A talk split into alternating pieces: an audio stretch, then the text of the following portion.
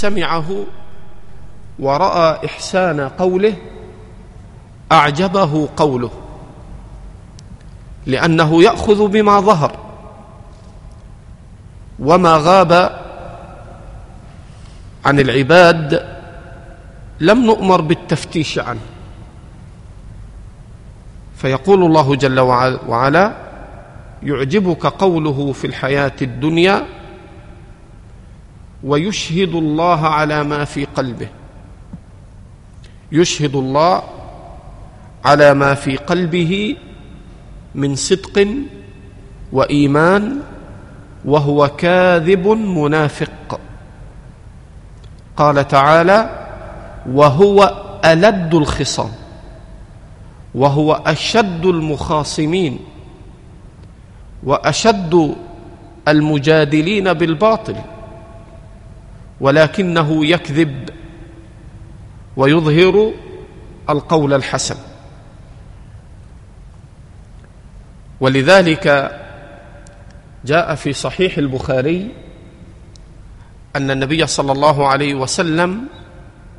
ذكر من اشراط الساعه وان يكثر القول ويقل العمل فمن علامات الساعه يفسد حال كثير من الناس فيكثر اقوالهم او تكثر اقوالهم وتقل الافعال فجعل النبي صلى الله عليه وسلم ذلك من علامات قرب الساعه وان يكثر القول ويقل العمل واذا تولى سعى في الارض ليفسد فيها ويهلك الحرث والنسل فهذا المنافق يكذب فعله قوله يقول الخير والحق ثم يخالفه الى الباطل ولذلك ذكر الله عز وجل عن عباده الصالحين وعن بعض انبيائه قال وما اريد ان اخالفكم الى ما انهاكم عنه اي اذا امرتكم بالخير فلا اخالفه واعمل بالشر ومن هنا جاء التحذير لمن يخالف فعله قوله عياذا بالله كما في صحيح البخاري ان النبي صلى الله عليه وسلم قال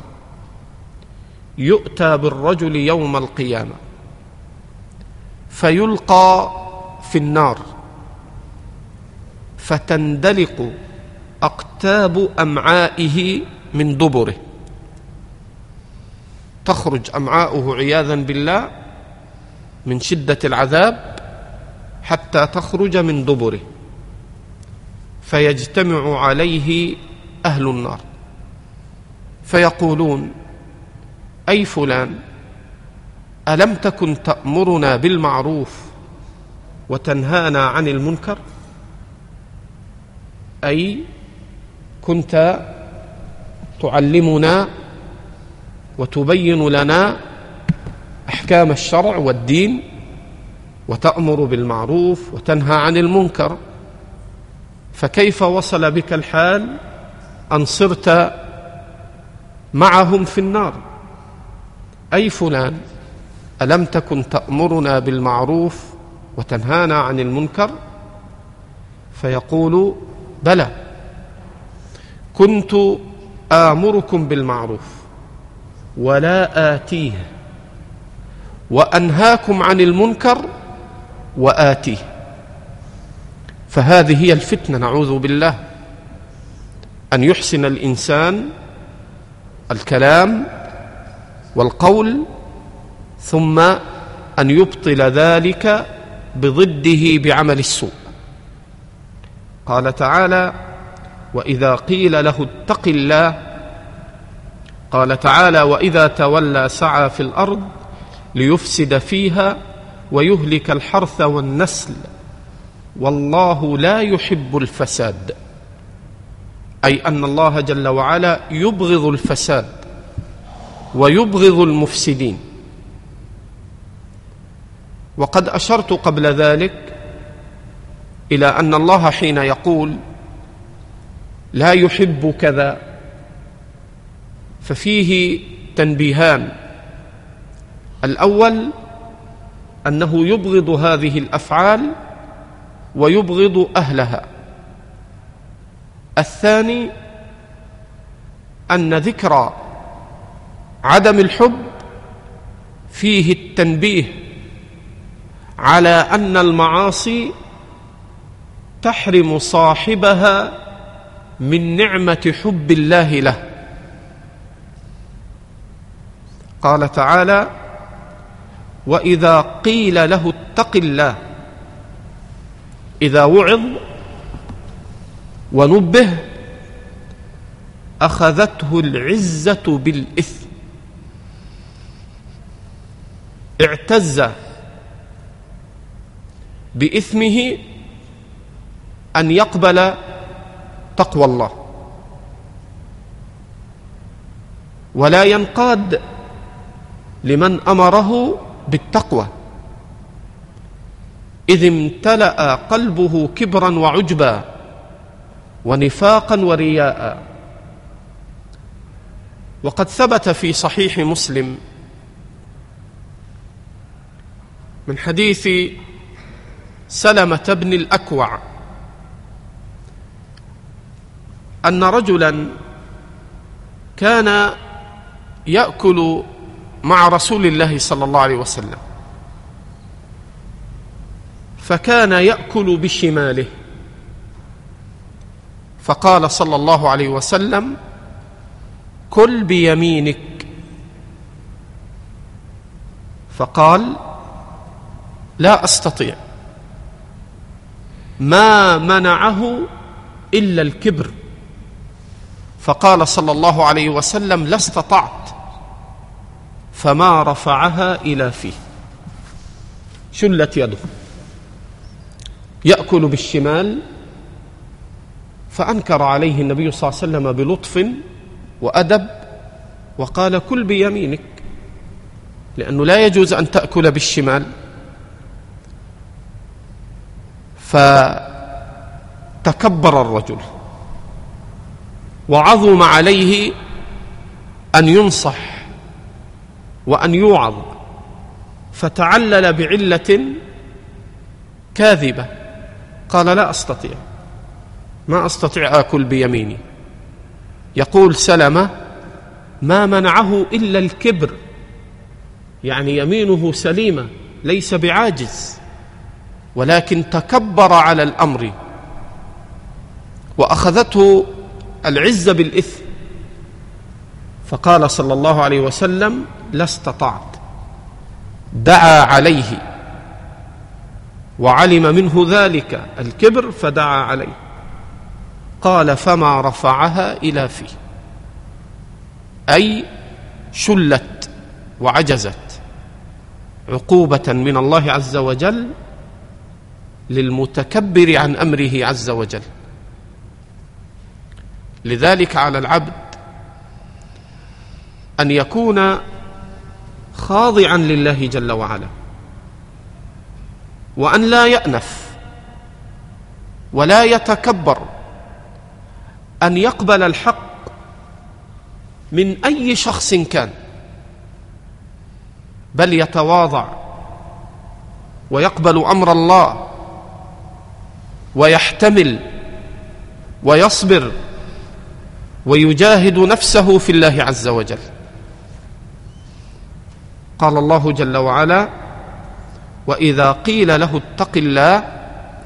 اخذته العزه بالاثم فحسبه جهنم ولبئس المهاد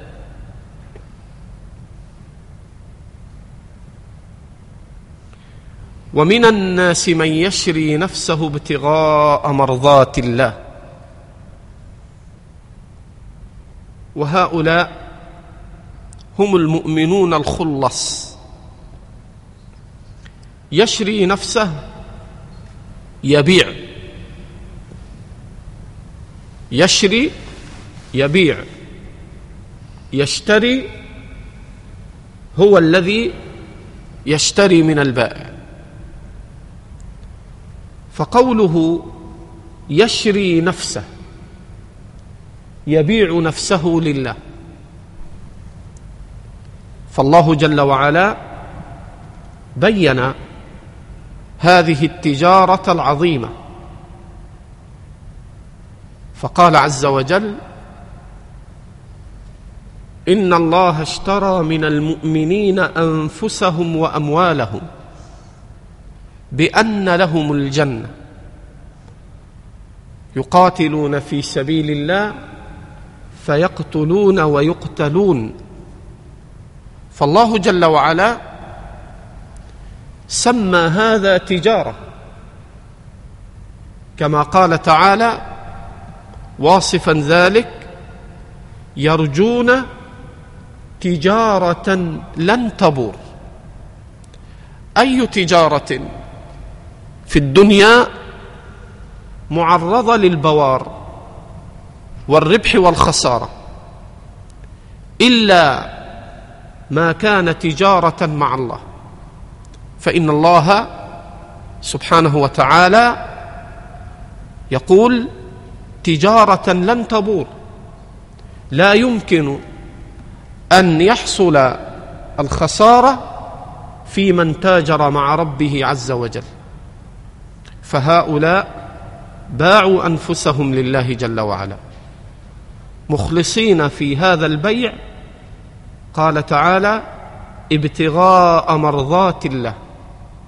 فيبيع نفسه يقاتل في سبيل الله يقتل ينقاد لامر الله جل وعلا ابتغاء مرضات الله والله رؤوف بالعباد اي ان الله سبحانه وتعالى لم يكلف عباده حين يبيعون انفسهم ابتغاء مرضاته لم يكلفهم فوق قدرتهم ولم يكلفهم ما يعجزون عنه بل هو سبحانه وتعالى فيما امر رؤوف بعباده فيما امرهم به من احكامه ومن هذه الرأفة ما تقدم معنا في الآيات يا أيها الذين آمنوا كتب عليكم الصيام كما كتب على الذين من قبلكم لعلكم تتقون أياما معدودات فما فرض الله عليك في السنة إلا أياما قليلة تؤدي فيها نسك الصوم وهذا من رأفته جل وعلا بعباده ومن عظيم رأفته سبحانه وتعالى ما جاء في الصحيح قال كنا مع رسول الله صلى الله عليه وسلم في غزوه واذا امراه تسعى في السبي فاذا وجدت طفلا اخذته فالزقته ببطنها فارضعته امراه حنون تمشي بين الناس واذا وجدت طفلا يبكي يحتاج الى ان يرضع فتاخذ هذه المراه الحنون وترضعه فقال صلى الله عليه وسلم ارايتم هذه طارحه ولدها ارايتم هذه طارحه ولدها في النار قالوا لا والله يا رسول الله وهي تقدر على ان لا تطرحه قال فالله ارحم بعباده من هذه بولدها الله أرحم بعباده من هذه بولدها فهذا عظيم رأفة الله جل وعلا وعظيم رحمته بخلقه تبارك وتعالى قال الله جل وعلا يا ايها الذين امنوا ادخلوا في السلم كافه جاء عن مجاهد وقتاده وغيرهما في تفسير هذه الايه ادخلوا في السلم كافه اي ادخلوا في الاسلام واعملوا باحكامه كامله فالمعنى ان تاخذ دين الله جل وعلا وان تقبل دين الله كله وان تعمل ما استطعت من اوامره مجتنبا نواهيها قال الله جل وعلا ولا تتبعوا خطوات الشيطان فمن اتبع خطوات الشيطان كلما اتبعت خطوات الشيطان بعدت عن صراط الله جل وعلا وكلما تماديت في خطوات الشيطان كلما ازداد بعدك عن صراط الله تبارك وتعالى وهنا اشاره الى لفظ خطوات الشيطان ان الشيطان في اضلاله لا ينتهي من اضلالك لا يزال يخطو بك الشيطان خطوة بعد خطوة ولا يزال يتدرج الشيطان في خطواته في إضلال الإنسان فأنت تسلك خطوات الشيطان دون أن تشعر ولا تدري إلى أين يوصلك فالشيطان يبتدئ من الصغيرة إلى الكبيرة إلى الكفر بالله فكل معصية لله جل وعلا صغرت أو عظمت فهي من خطوات الشيطان قال تعالى إنه لكم عدو مبين قد يغتر الانسان بالعدو الذي لا يظهر عداوته فيظن انه من احبته ومن جماعته فيضله لانه لم يظهر عداوته اما الشيطان فقد بين عداوته لبني ادم قال فبعزتك لأغوينهم أجمعين إلا عبادك منهم المخلصين إذا الشيطان أبدى عداوته ولم يسترها وبين أنه عدو ظاهر ساع لإضلال بني آدم فكان على العاقل حيث تبين له عداوه عدوه ان يحذره ان الشيطان لكم عدو فاتخذوه عدوا فما دام هو عدو لك فان كنت عاقلا فاتخذه عدوا كما اتخذك عدوا ولذلك جاء الحديث كما في الصحيح قال ايه يا ابن الخطاب ما راك الشيطان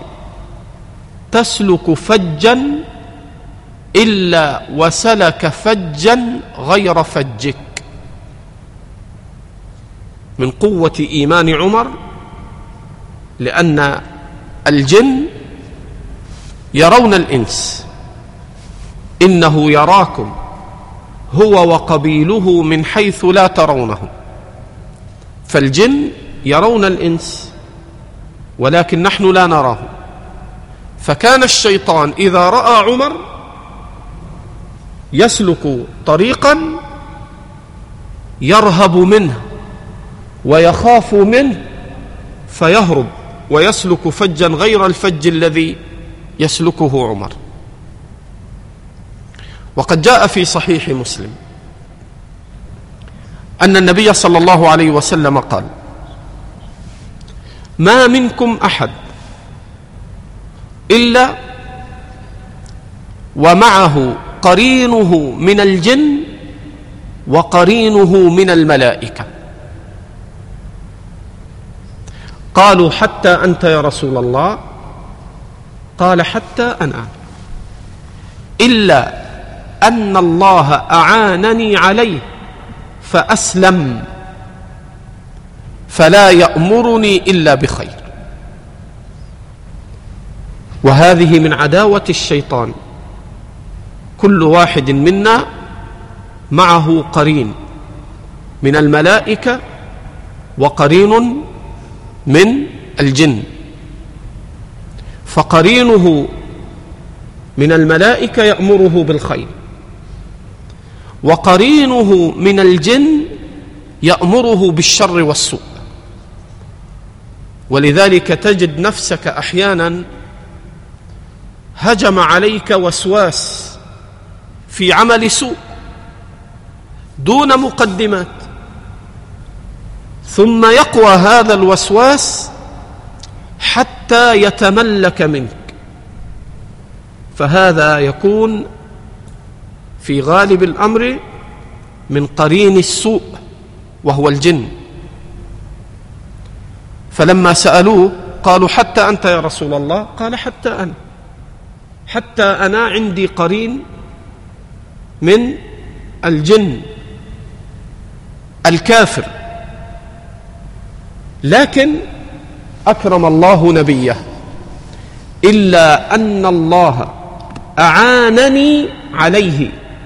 فأسلم فلا يأمرني إلا بخير فأعان الله نبيه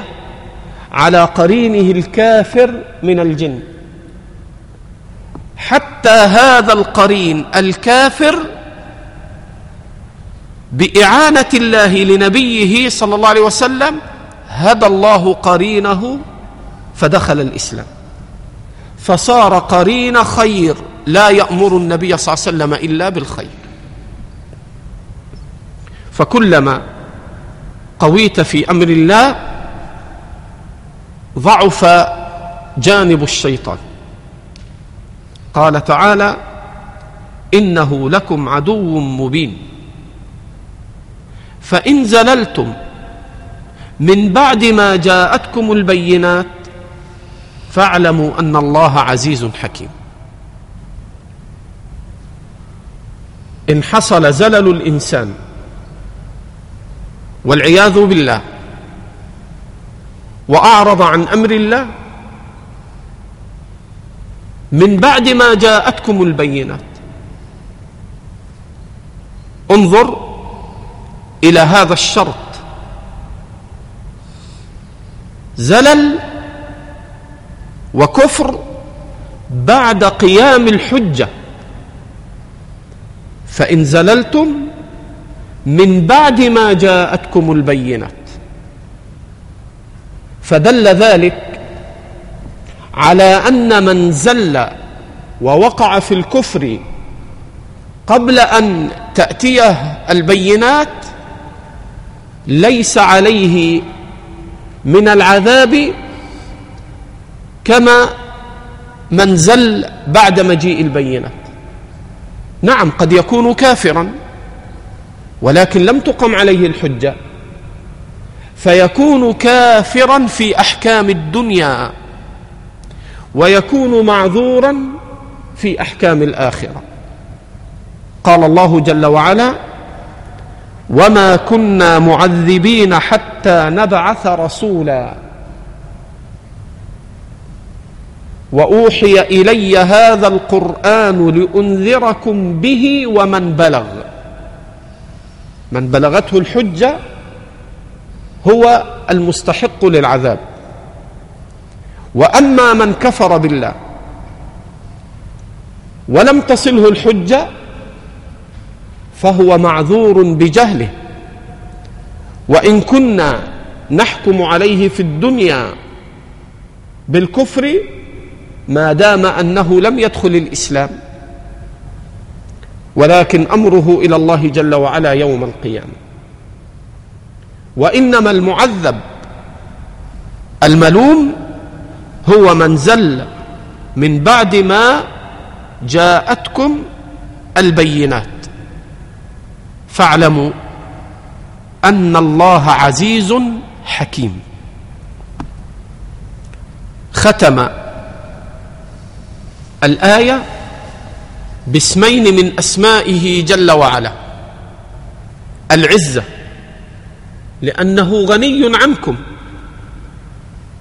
إن تكفروا فإن الله غني عنكم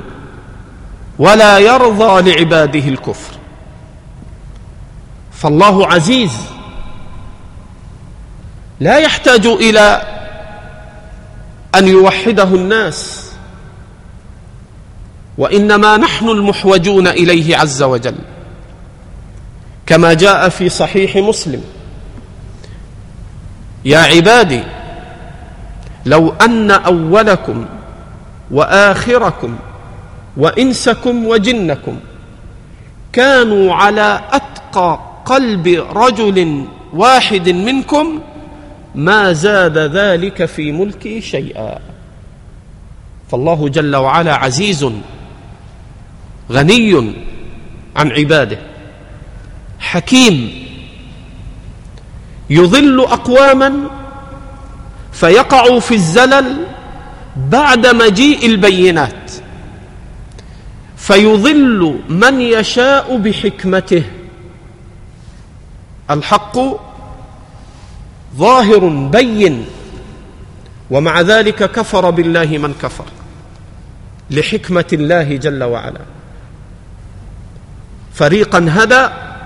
وفريقا حقت عليهم الضلاله فذلك بحكمه الله جل وعلا لا يسال عما يفعل وهم يسالون لكمال حكمته ولتمام علمه تبارك وتعالى فان زللتم من بعد ما جاءتكم البينات فاعلموا ان الله عزيز حكيم هل ينظرون الا ان ياتيهم الله في ظلل من الغمام اي ان هؤلاء الذين كفروا وزلوا ولم يقبلوا الاسلام ما ينتظرون إلا ما سيحصل يوم القيامة يأتي الله ثم هذا الإتيان في ظلل من الغمام فيرى الناس وهم في المحشر ظللا من الغمام ثم الله جل وعلا ياتي في هذا الظلل فياتي الله جل وعلا ليحاسب خلقه بنفسه كما جاء عند البخاري ما منكم من ما منكم احد الا وسيكلمه ربه ليس بينه وبينه ترجمان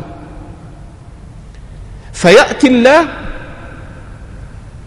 ليحاسب ويسال العباد بذاته واقسم على ذلك فوربك فوربك لنسالنهم اجمعين عما كانوا يعملون وقد اخرج الطبري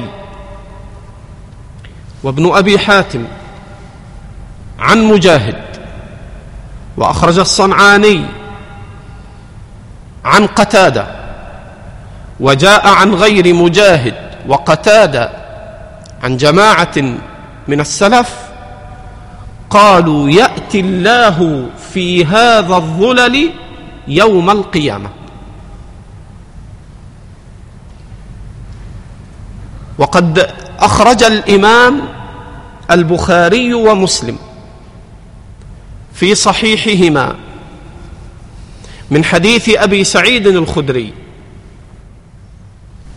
ان الله سبحانه وتعالى قال بعد ان ياتي للفصل بين عباده يقول ليلحق كل أمة بمن كانوا يعبدونه في الدنيا فمن كان يعبد الصليب يتبع الصليب ومن كان يعبد الطواغيت الطواغيت وتبقى هذه الامه فيها منافقوها وتبقى هذه الامه فيها منافقوها فياتيهم الله فيقول انا ربكم فيقولون نعوذ بالله منك نحن هنا حتى ياتينا ربنا فاذا جاء ربنا عرفناه فيتوارى عنهم ثم يأتيهم مرة أخرى فيقول أنا ربكم ثم يقول لهم هل بينكم وبينه آية هل بينكم وبين معرفة ربكم علامة تعرفونه قالوا نعم الساق فيكشف عن ساقه كما هو عند البخاري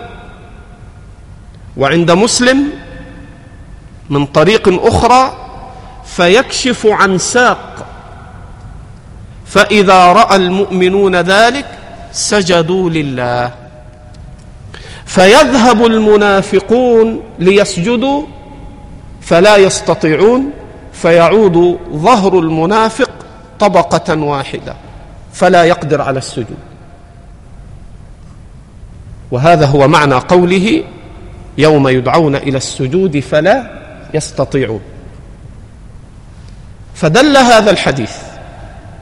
مع ما تقدم من الآثار عن السلف الصالح بأن الله يأتي إتيانا يليق بجلاله ليس كمثله شيء وهو السميع البصير واياك والتوهم والظنون فان الله جل وعلا خلقك وجعل لك روحا بين جنبيك فمن عجز ان يدرك كيفيه روحه التي بين جنبيه فهو عن كيفيه ربه اعجز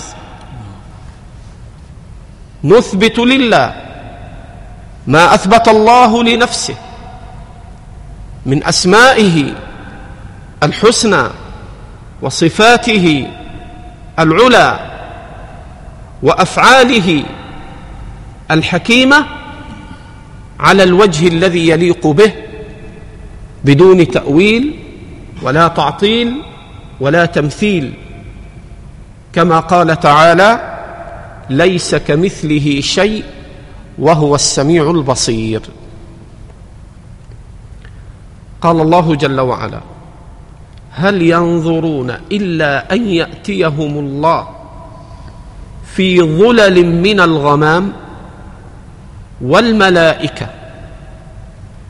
اي وتاتي الملائكه ايضا وبعض الجهال ممن جهل اعتقاد السلف الصالح الذي كان عليه النبي صلى الله عليه وسلم واصحابه وخير القرون يقولون الا ان ياتيهم الله ان ياتيهم امر الله فكذب الله هؤلاء فقال يوم ياتي ربك ثم عطف سبحانه وتعالى او ياتي امر ربك او ياتي بعض ايات ربك انت في ظهري جزاك الله خيرا اعتضد بك او ياتي بعض ايات ربك ففرق الله بين اتيانه وبين اتيان امره تكذيبا وتبكيتا للذين ينفون صفات الرب جل وعلا فبين وفرق انه سبحانه وتعالى ياتي او تاتي بعض او ياتي بعض ايات ربك وبعض اياته هي امره ففرق بين اتيانه وبين اتيان امره قال تعالى هل ينظرون إلا أن يأتيهم الله في ظلل من الغمام والملائكة ولما علم الله من, سن من سيؤول مجيء الرب أتى في عدة مواضع يؤكد إتيان الرب وجاء ربك والملك صفا صفا وهذه الآية مع الآية الأخرى أو يأتي بعض آيات ربك في عدة مواضع يقرر الله هذا الأمر ردا على منكريه قال تعالى وقضي الأمر قضي الحساب فيقضي الله سبحانه وتعالى بين الخلائق ويبلغ من القضاء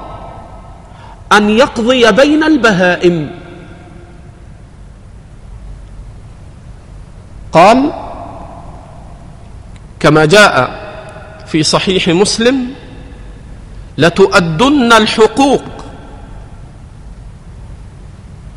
حتى يقاد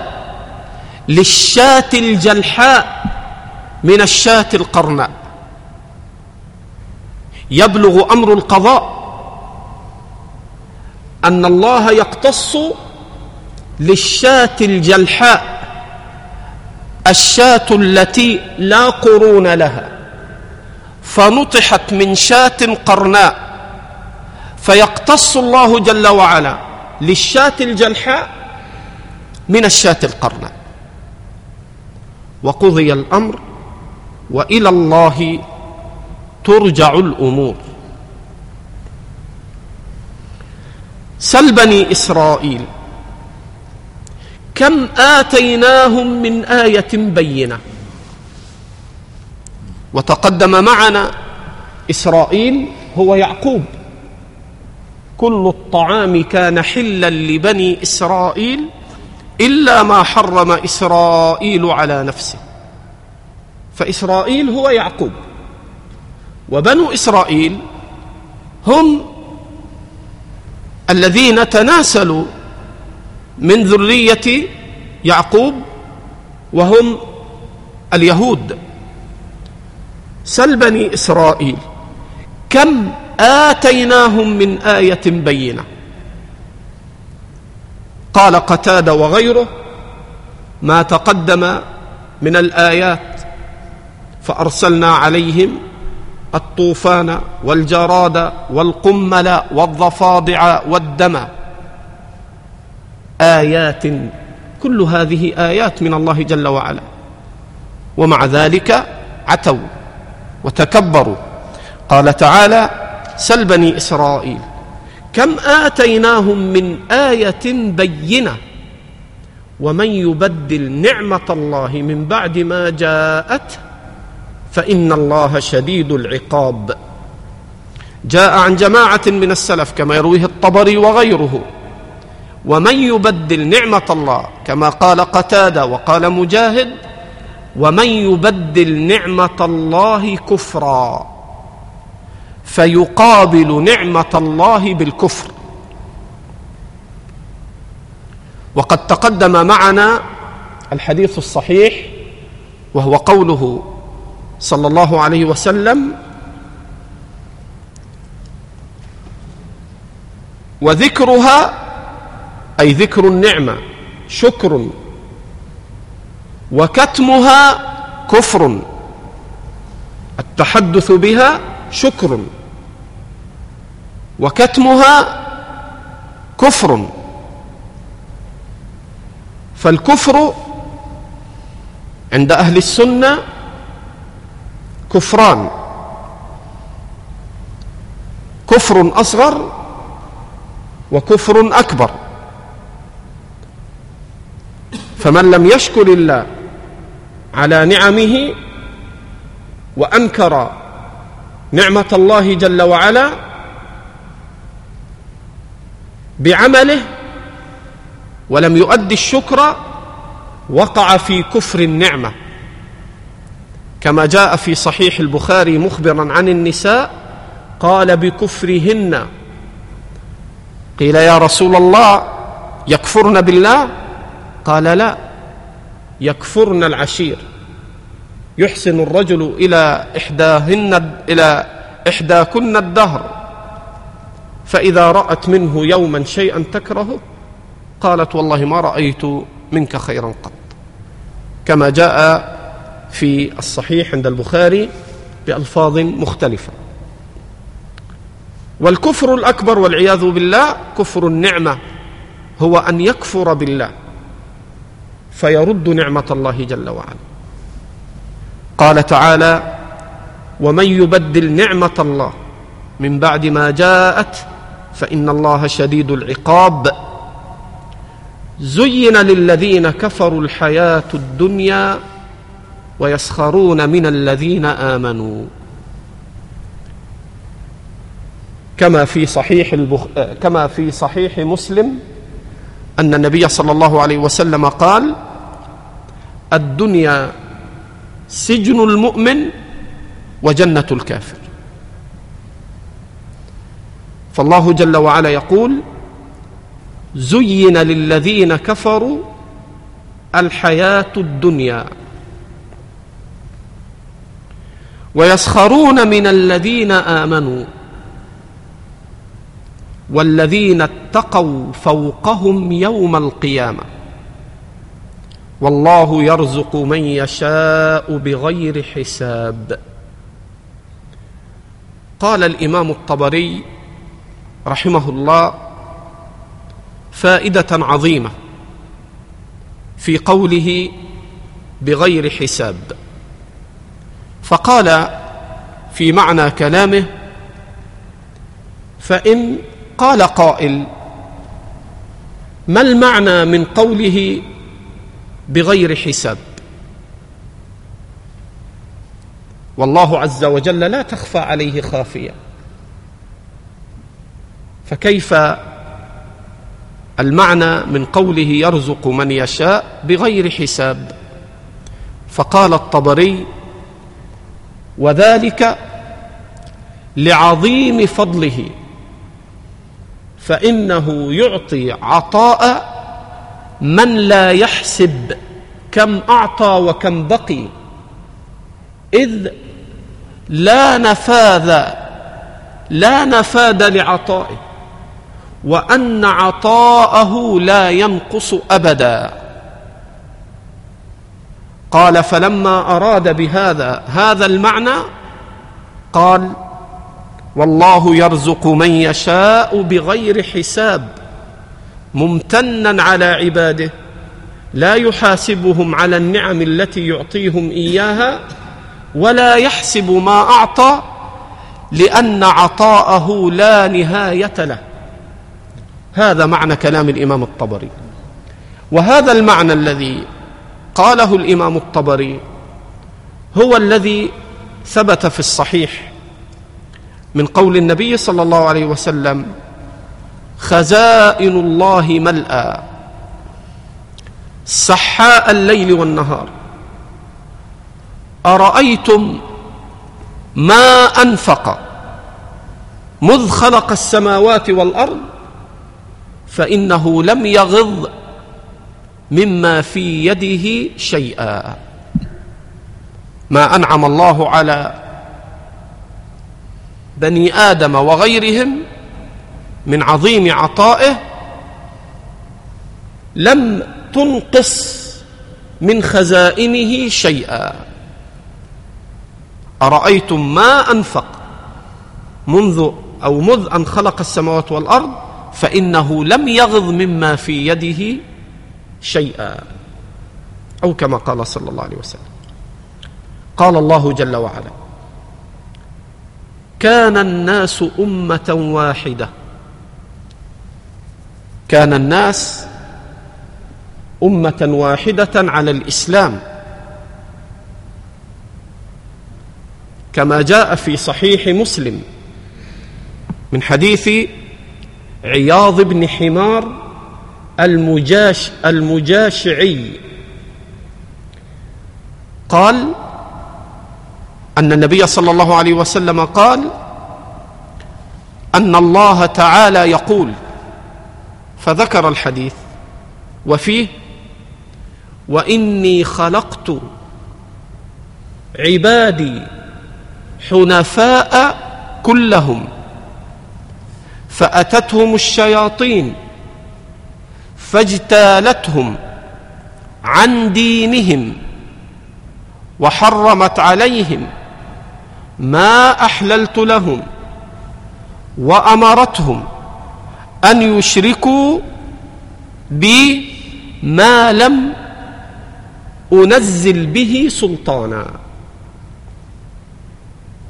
وقد جاء عن النبي صلى الله عليه وسلم في الحديث الصحيح الذي صححه الألباني قال كان بين آدم وبين نوح كذا وكذا من القرون كلها على الإسلام وفي هذا رد على من ظن من المفسرين أن المراد كان الناس أمة واحدة على الكفر هذا خطأ وقد قاله بعض المفسرين عفى الله عنه وإنما المعروف عن السلف فيما جاء عن جماعة منهم كقتادة ومجاهد وما جاء عن بعض الأحاديث الصحيحة عن النبي صلى الله عليه وسلم كحديث آه، مسلم رحمه الله وغيره أن المراد كان الناس امه واحده على الاسلام فاختلفوا بعد ذلك فبعث الله النبيين مبشرين ومنذرين فالبعث بعد الاختلاف كان مبتدا بنوح كما في الصحيحين ان الناس ياتون الى ابيهم ادم فيقولون انت ابونا ادم خلقك, خلقك الله بيده واسجد لك ملائكته وعلمك اسماء كل شيء اشفع لنا الى ربك الا ما الا ترى ما نحن فيه الا ترى ما قد بلغنا فيذكر ذنبه ثم يقول اذهبوا الى غيري اذهبوا الى نوح أول رسول أرسله الله إلى أهل الأرض إذا فأول رسول أرسله الله إلى الأرض بعد أن وقع الاختلاف هو نوح وأما نبي الله آدم فهو نبي مكلم كما ثبت أن النبي صلى الله عليه وسلم فيما صحح الإمام الألباني وغيره سئل أكان آدم نبيا قال نعم نبيا مكلما أما أول رسول إلى أهل الأرض فهو نبي الله نوح عليه الصلاة والسلام فبعث الله النبيين مبشرين ومنذرين وأنزل معهم الكتاب بالحق إذا النبي لا بد أن يأتي بآية وأن يأتي بشرع من الله إما أن يأتي هو بكتاب وإما أن يقرر ما مضى من الكتاب الذي نزل على النبي الذي قبله وقد ثبت في صحيح البخاري أن النبي صلى الله عليه وسلم قال ما من الأنبياء نبي إلا وأوتي على ما مثله آمن البشر وإنما الذي أوتيته وحيا أوحاه الله إلي فأرجو أن أكون أكثرهم تابعا يوم القيامة لذلك لا تقام الحجة على الخلق إلا بنزول الكتاب قال تعالى وأوحي إلي هذا القرآن لأنذركم به ومن بلغ أي من بلغه القرآن وقد تقدم معنا آنفا ما يتعلق بمسألة إقامة الحجة قال تعالى وانزل معهم الكتاب بالحق ليحكم بين الناس فيما اختلفوا فيه وما اختلف فيه الا الذين اوتوه من بعد ما جاءتهم البينات بغيا بينهم فهدى الله الذين امنوا لما اختلفوا فيه من الحق باذنه وقد ثبت عند البخاري وغيره أن النبي صلى الله عليه وسلم قال هدانا الله للجمعة وأضل من قبلنا عن الجمعة فغدا السبت لليهود وبعد غد الأحد للنصارى وثبت في صحيح مسلم من حديث عائشه انها سئلت باي شيء كان يستفتح رسول الله رسول الله صلى الله عليه وسلم قيام الليل فقالت كان يستفتح صلاه الليل فيقول اللهم رب جبرائيل وميكائيل واسرافيل فاطر السماوات والارض عالم الغيب والشهاده انت تحكم بين عبادك فيما كانوا فيه يختلفون اهدني لما اختلف فيه من الحق باذنك انك تهدي من تشاء الى صراط مستقيم قال شيخ الاسلام ابن تيميه قال وقد انتفعت بهذا كثيرا بهذا الدعاء يقول الامام ابن تيميه فكان اذا اشكل علي شيء من المسائل دعوت به ففتح لي ما لم يفتح لي قبل ذلك فهذا دعاء عظيم في التجاء العبد الى الله ان الله يهديه لما اختلف فيه من الحق قال تعالى والله يهدي من يشاء الى صراط مستقيم قال تعالى ام حسبتم ان تدخلوا الجنه ولما ياتكم مثل الذين خلوا من قبلكم مستهم الباساء والضراء وزلزلوا حتى يقول الرسول والذين امنوا معه متى نصر الله الا ان نصر الله قريب وقد ثبت في صحيح البخاري من حديث عدي بن حاتم رضي الله عنه قال اتيت رسول الله او اتينا رسول الله صلى الله عليه وسلم وهو متوسد ببرد ببرده تحت ظل الكعبه فقلنا يا رسول الله الا تستنصر لنا الا تدعو الله لنا فجلس ثم قال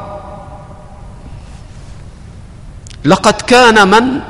كان قبلكم يؤتى بالرجل فيحفر له الحفره ثم يوضع فيها ثم يوضع المنشار على مفرق رأسه فيشق نصفين ما لا يرجع عن دينه ويمشط بأمشاط الحديد ما بين لحم وعظم وعصب ما يرده ذلك عن دينه ووالله ليتمن هذا الأمر حتى تسير الضعينة من صنعاء إلى حضرموت أو حتى يسير الراكب من صنعاء إلى حضرموت لا يخشى إلا الله أو الذئب على غنمه ولكنكم تستعجلون ولكنكم تستعجلون وفي هذا بيان لما تعرض له جماعات من المؤمنين في صبرهم على دينهم في الامم التي قبلنا ام حسبتم ان تدخلوا الجنه ولما ياتكم مثل الذين خلوا من قبلكم مستهم البأساء والضراء جاء عن جماعة من السلف كقتادة وغيره البأساء الفقر والضراء ما يضرهم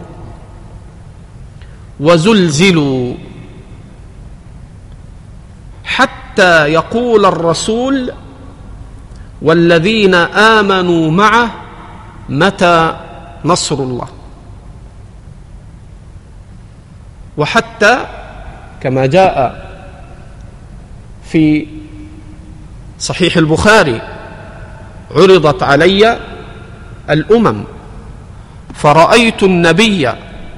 ومعه الرجل والرجلان والنبي وليس معه احد فصاحب الحق يدعو اليه ويثبت عليه ولم يكلف بالنتائج ولم يكلف الى ان يصل الى نصر وعز وتمكين في الارض فهؤلاء جماعات من الانبياء ماتوا ولم يؤمن بهم احد من اقوامهم اما هؤلاء المتهوكون الذين يظنون ان اصل القيام بالتوحيد لمتاع الدنيا من عز يرونه في الدنيا ومن تمكين في الارض فهذا هو ثمره القيام بامر الله عز وجل لا انك تجعل هذا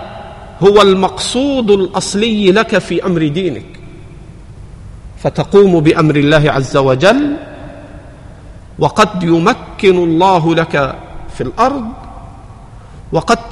تقوم بامر الله وتبتلى كما ابتلي كثير من الانبياء حيث دعا ودعا ودعا ثم مات ولم يؤمن به واحد من قومه فياتي يوم القيامه مع قومه وليس معه احد قال تعالى الا ان نصر الله قريب فنصر الله ما تمسكت بامره فهو قريب وقد يتحقق لبعض وقد لا يتحقق لبعض فنصر الله محقق ولذلك كما يقول الصحابي قال فمنا من مات ولم ياكل من ثمرته شيء ومنا من اينعت له ثمرته فهو يهدبها اي حين قاموا مع الرسول صلى الله عليه وسلم منهم من مات ولم يرى ثمره ما قام به من التمكين في الارض الى غير ذلك ومنهم من راى ذلك وكل ادى ما اوجب الله عليه فصاحب السنه لا يسعى الى سلطه لا يسعى الى حكم لا يسعى الى تمكين زائف وانما الاصل انه يسعى لاقامه دين الله في الارض قال تعالى يسالونك ماذا ينفقون قل ما انفقتم من خير فللوالدين والاقربين واليتامى والمساكين وابن السبيل فبعد ما جاءت الباساء وجاءت الضراء وابتلي المسلمون بالفقر في اول الاسلام وسع الله عليهم الخير وجاءتهم الدنيا فرجعوا يسالون ماذا ينفقون بعد ان وسع الله عليهم الخير وقد ثبت في صحيح مسلم ان النبي صلى الله عليه وسلم قال دينار انفقته في سبيل الله ودينار انفقته في رقبه ودينار انفقته على مسكين ودينار انفقته على اهلك اعظمها اجر الذي انفقته على اهلك انتبه يسالونك ماذا ينفقون قل ما انفقتم من خير فللوالدين والأقربين قبل اليتامى والمساكين وابن السبيل قدم الوالدين والأقربين ثم عطف باليتامى والمساكين وابن السبيل كما قال صلى الله عليه وسلم كما في صحيح مسلم دينار أنفقته في سبيل الله في الجهاد ودينار أنفقته في رقبة في عتق ودينار أنفقته على مسكين ودينار أنفقته في أهلك أعظمها أجر الذي أنفقته في أهلك قال الله جل وعلا يسألونك ماذا ينفقون قل ما أنفقتم من خير فللوالدين والأقربين واليتامى تقدم معنا بيان اليتيم والمساكين تقدم معنا بيان المساكين وابن السبيل ايضا تقدم المسافر والمسكين الذي لا يجد حاجته واليتامى الذي مات ابوه قبل ان يحتلم فهو يتيم وما تفعلوا من خير فان الله به عليم والله أعلم بمراد كلامه جزاكم الله خير جزاك الله خيرا شيخنا هنا يرد سؤال أنه قد يقال أن البأساء والضراء أمور قد قدره الله قد قدرها الله تبارك وتعالى على العباد فنحن نرضى بما قدر الله عز وجل ولا نسعى لإزالتها فهل هذا الاعتقاد صحيحا؟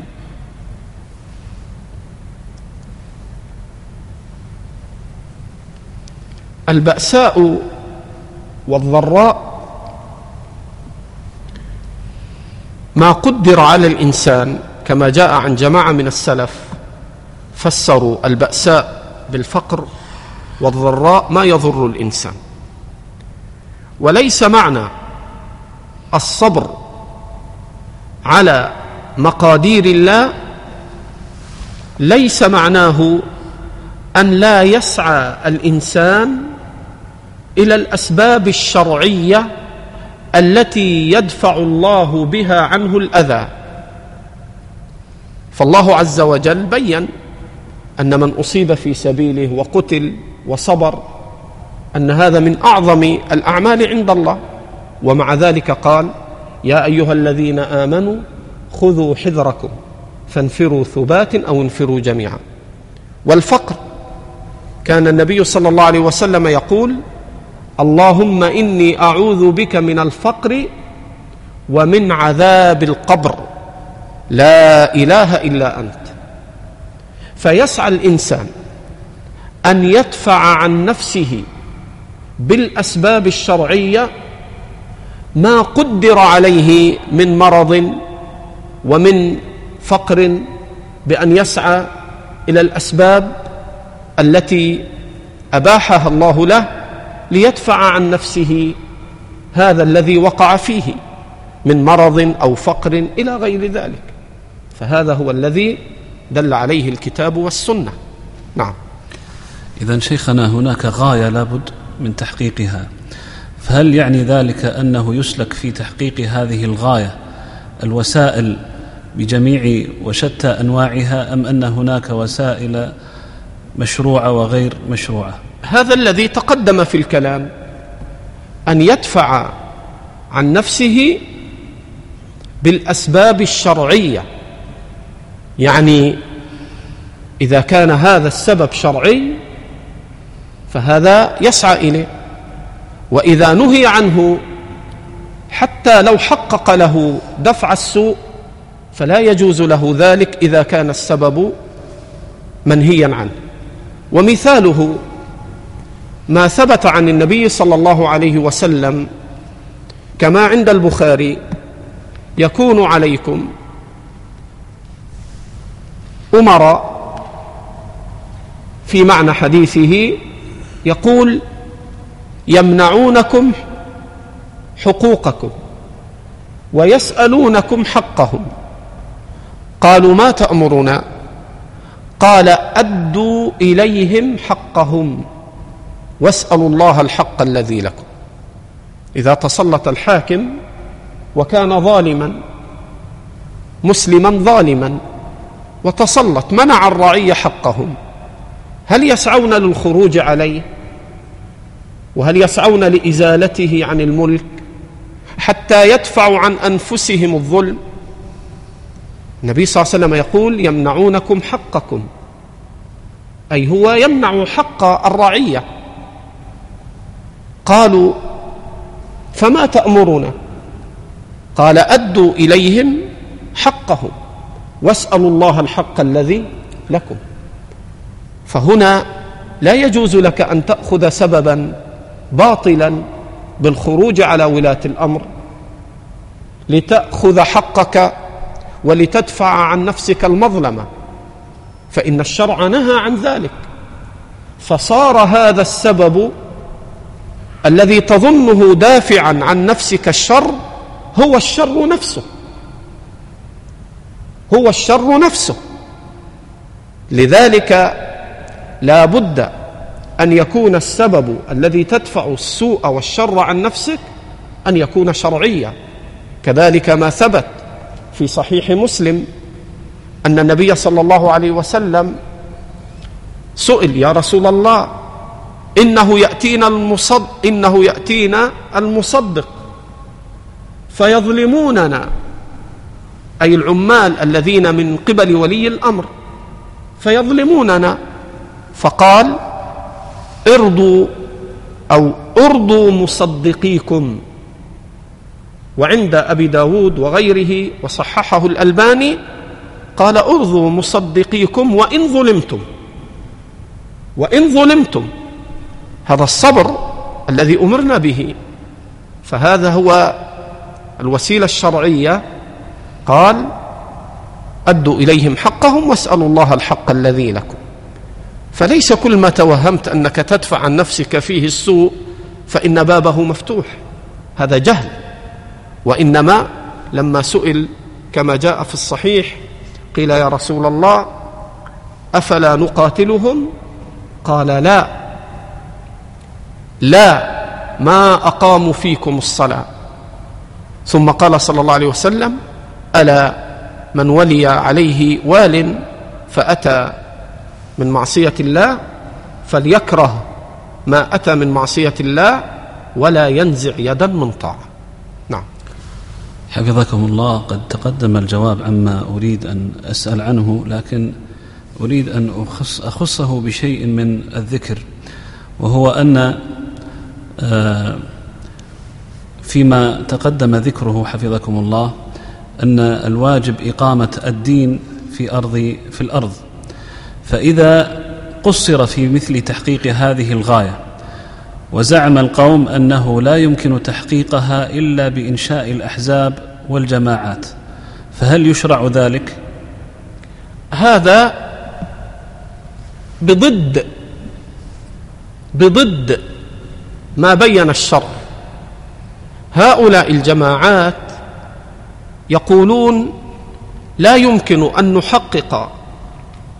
قيام الدين او ما يسمونه بقيام دوله الاسلام واعاده الخلافه الى غير ذلك من تعبيراتهم الا بان نتكتل وان نقيم جماعات وحزبيات فيجعلون هذه الوسيله الباطلة مؤدية لما يظنونه مقصودا شرعيا وهذا بضد ما دل عليه الكتاب والسنه فان الله بين فقال تعالى شرع لكم من الدين ما وصى به نوحا والذي اوحينا اليك وما وصينا به ابراهيم وموسى وعيسى ان اقيموا الدين ولا تتفرقوا فيه فدل الله جل وعلا أن التفرق مما لا يؤول إلى أن يقيم الدين قياما صحيحا أن أقيموا الدين ولا تتفرقوا فيه فإقامة الدين حين يجتمع المؤمنون على كتاب ربهم وعلى سنة نبيهم حينئذ يقيمون الدين واما حين يتفرقون فلن يصلوا الى اقامه الدين ولذلك جاء في قوله تعالى مبينا ومفسرا ولا تكونوا من المشركين من الذين فرقوا دينهم وكانوا شيعا كل حزب بما لديهم فرحون فهذه التحزبات والتكتلات والجماعات هي مما افسدت على الناس دينهم ونشا منها الحزبيه والتعصب ولذلك النبي صلى الله عليه وسلم بين ان هذا مما ستؤول اليه حال الامه كما جاء في صحيح البخاري لما نزل قوله تعالى قل هو القادر على ان يبعث عليكم عذابا من فوقكم قال اعوذ بوجهك قال تعالى او من تحت ارجلكم قال النبي صلى الله عليه وسلم اعوذ بوجهك قال تعالى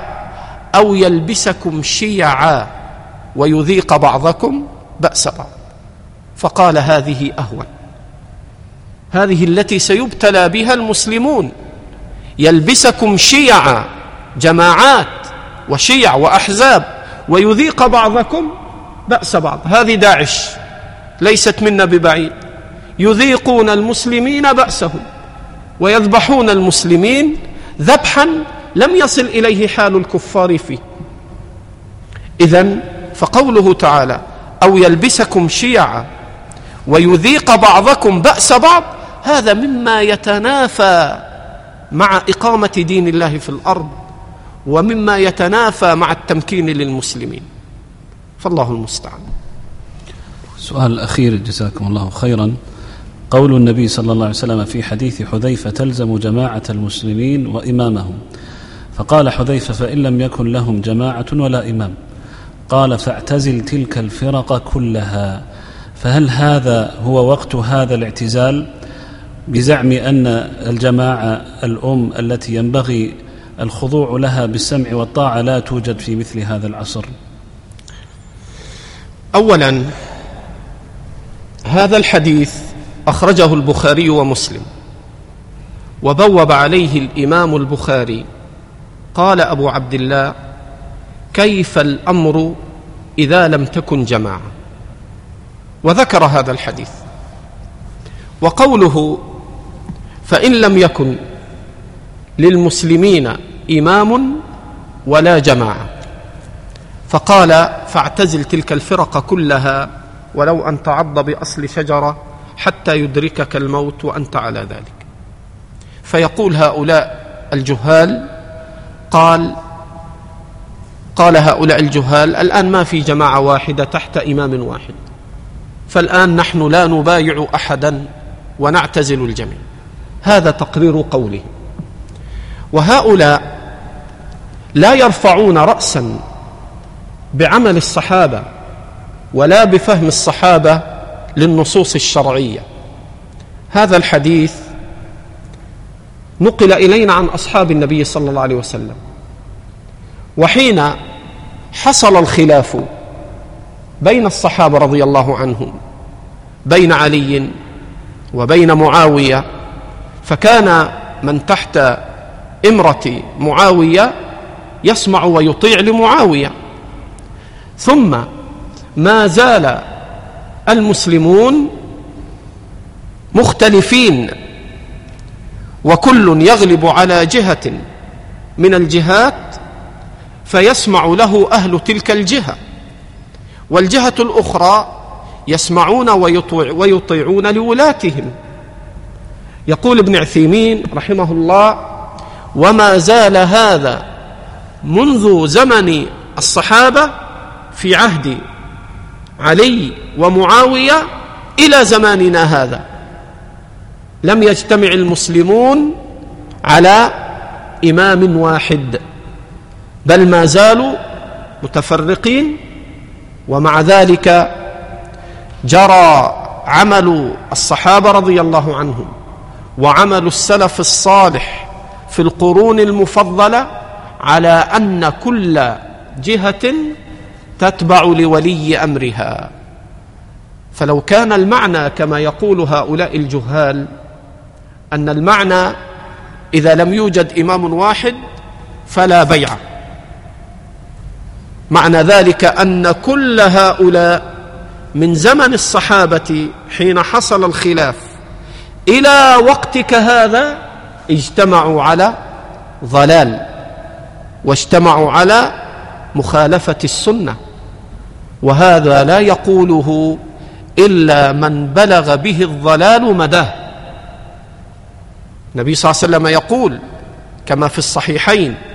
خير الناس قرني ثم الذين يلونهم ثم الذين يلونهم إذا فعلى هذا يفهم قوله صلى الله عليه وسلم فان لم يكن للمسلمين جماعه ولا امام قال فاعتزل تلك الفرق كلها على ان زمن الاعتزال حين لا يبقى في الارض حاكم مسلم مبايع فاذا وصل حال المسلمين انهم يحصل الاقتتال بينهم ولا يوجد حاكم في الارض ممكن وله الشوكه كما ترى الان في بعض البلاد يحصل فيها القتال ولا يصل احد الى المكنه ولذلك مثل هذه الحال في تلك البلد التي يحصل فيها القتال بين الناس ولم يتغلب أحد على البلد في مثل هذا يقال اعتزل لا تشارك في القتال لا مع هؤلاء ولا مع هؤلاء حتى يستقر الأمر لواحد ويغلب الناس وينقاد له البلاد والعباد حينئذ تبايع فهذه هي صورة الحديث التي فهمها أهل العلم لا كما فهم هؤلاء فأرادوا أن ينفوا حصول البيعة لوجود الخلاف فيلزمهم أن ينفوا ذلك من زمن حصول الخلاف بين الصحابة حين حصل الخلاف بين علي ومعاوية إلى زمنك هذا نعم جزاك الله خيرا فوائد عظيمة جليلة نسأل الله عز وجل أن ينفعنا بها وأن, ينفع وأن, وأن يبارك لنا في علم قائلها أقول ما تسمعون والحمد لله رب العالمين جزاك الله خيرا جزاك الله